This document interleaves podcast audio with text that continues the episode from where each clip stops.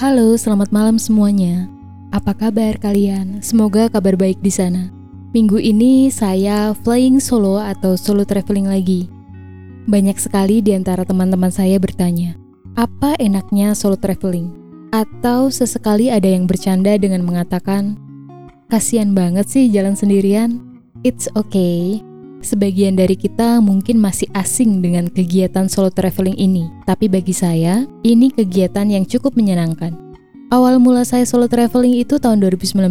Saat itu, saya pergi sendirian ke Bali. Waktu pertama kali mencoba solo traveling, rasanya memang aneh dan takut. Mungkin karena saya benar-benar datang ke tempat asing sendirian. Ditambah, pada saat itu saya tidak tahu apa-apa tentang tempat yang saya datangi. Namun dari situ, saya semakin sering pergi ke suatu tempat sendirian. Mindset saya perlahan mulai berubah, di mana dulu saya berpikir bahwa kegiatan solo traveling atau pergi sendirian itu adalah hal yang menyedihkan. Namun setelah beberapa kali saya lakukan, rasanya menyenangkan. Solo traveling membuat kita memiliki kendali atas apa pun yang diri kita inginkan. Misalnya, ketika kita ingin sekali pergi ke tempat A, namun tidak ada yang bisa menemani kita, maka hal tersebut tidak menjadi halangan bagi kita untuk tetap pergi ke tempat A tersebut. Kan ada ya orang-orang yang merelakan keinginannya untuk pergi ke suatu tempat hanya karena tidak ada yang menemani. Menurutku, ini sih sayang sekali ya. Kenapa kita jadi bergantung pada orang lain atas hal yang kita ingini? Seakan-akan diri kita tidak punya daya. Di usia belasan atau 25 ke bawah mungkin kita masih muda ya mencari teman untuk diajak pergi bersama. Namun bagi saya, di usia yang sekarang, rasanya susah sekali loh mencari teman untuk diajak pergi.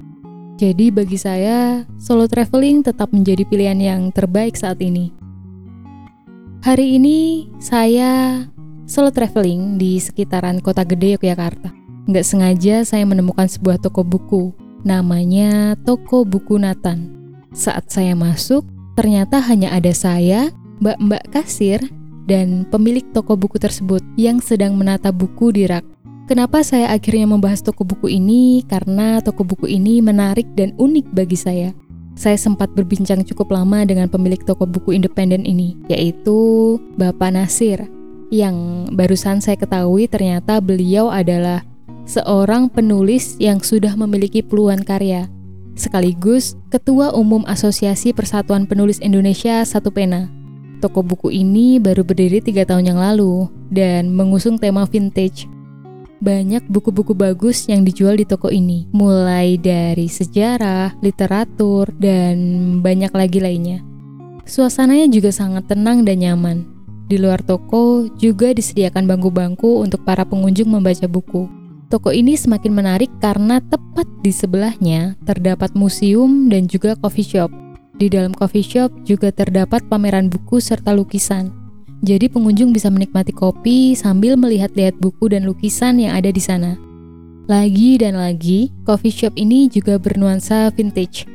Agak sorean saya pergi ke Gratama Pustaka Jogja.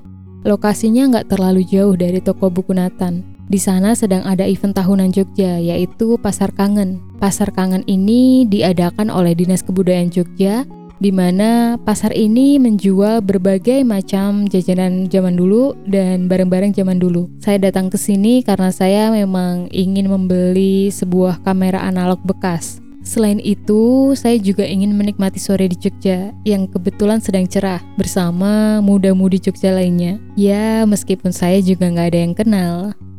Tapi uh, solo traveling kali ini so far so good. Jadi gimana? Apakah kalian yang sedang mendengarkan podcast saya kali ini tertarik untuk mencoba solo traveling? Saya sarankan sih sesekali bisa mencoba ya. Selain dapat melatih diri menjadi mandiri, kalian juga bisa merasakan sensasi keluar dari zona nyaman kalian. Ditambah, kita akan mendapatkan banyak pelajaran dari alam dan perjalanan. Dan juga ayo kita ubah mindset kita bahwa solo traveling, makan sendirian, pergi sendirian, apa pun yang dilakukan seorang diri itu bukan hal yang menyedihkan. Bijaklah dalam menilai sesuatu. Demikian podcast kali ini. Selamat malam.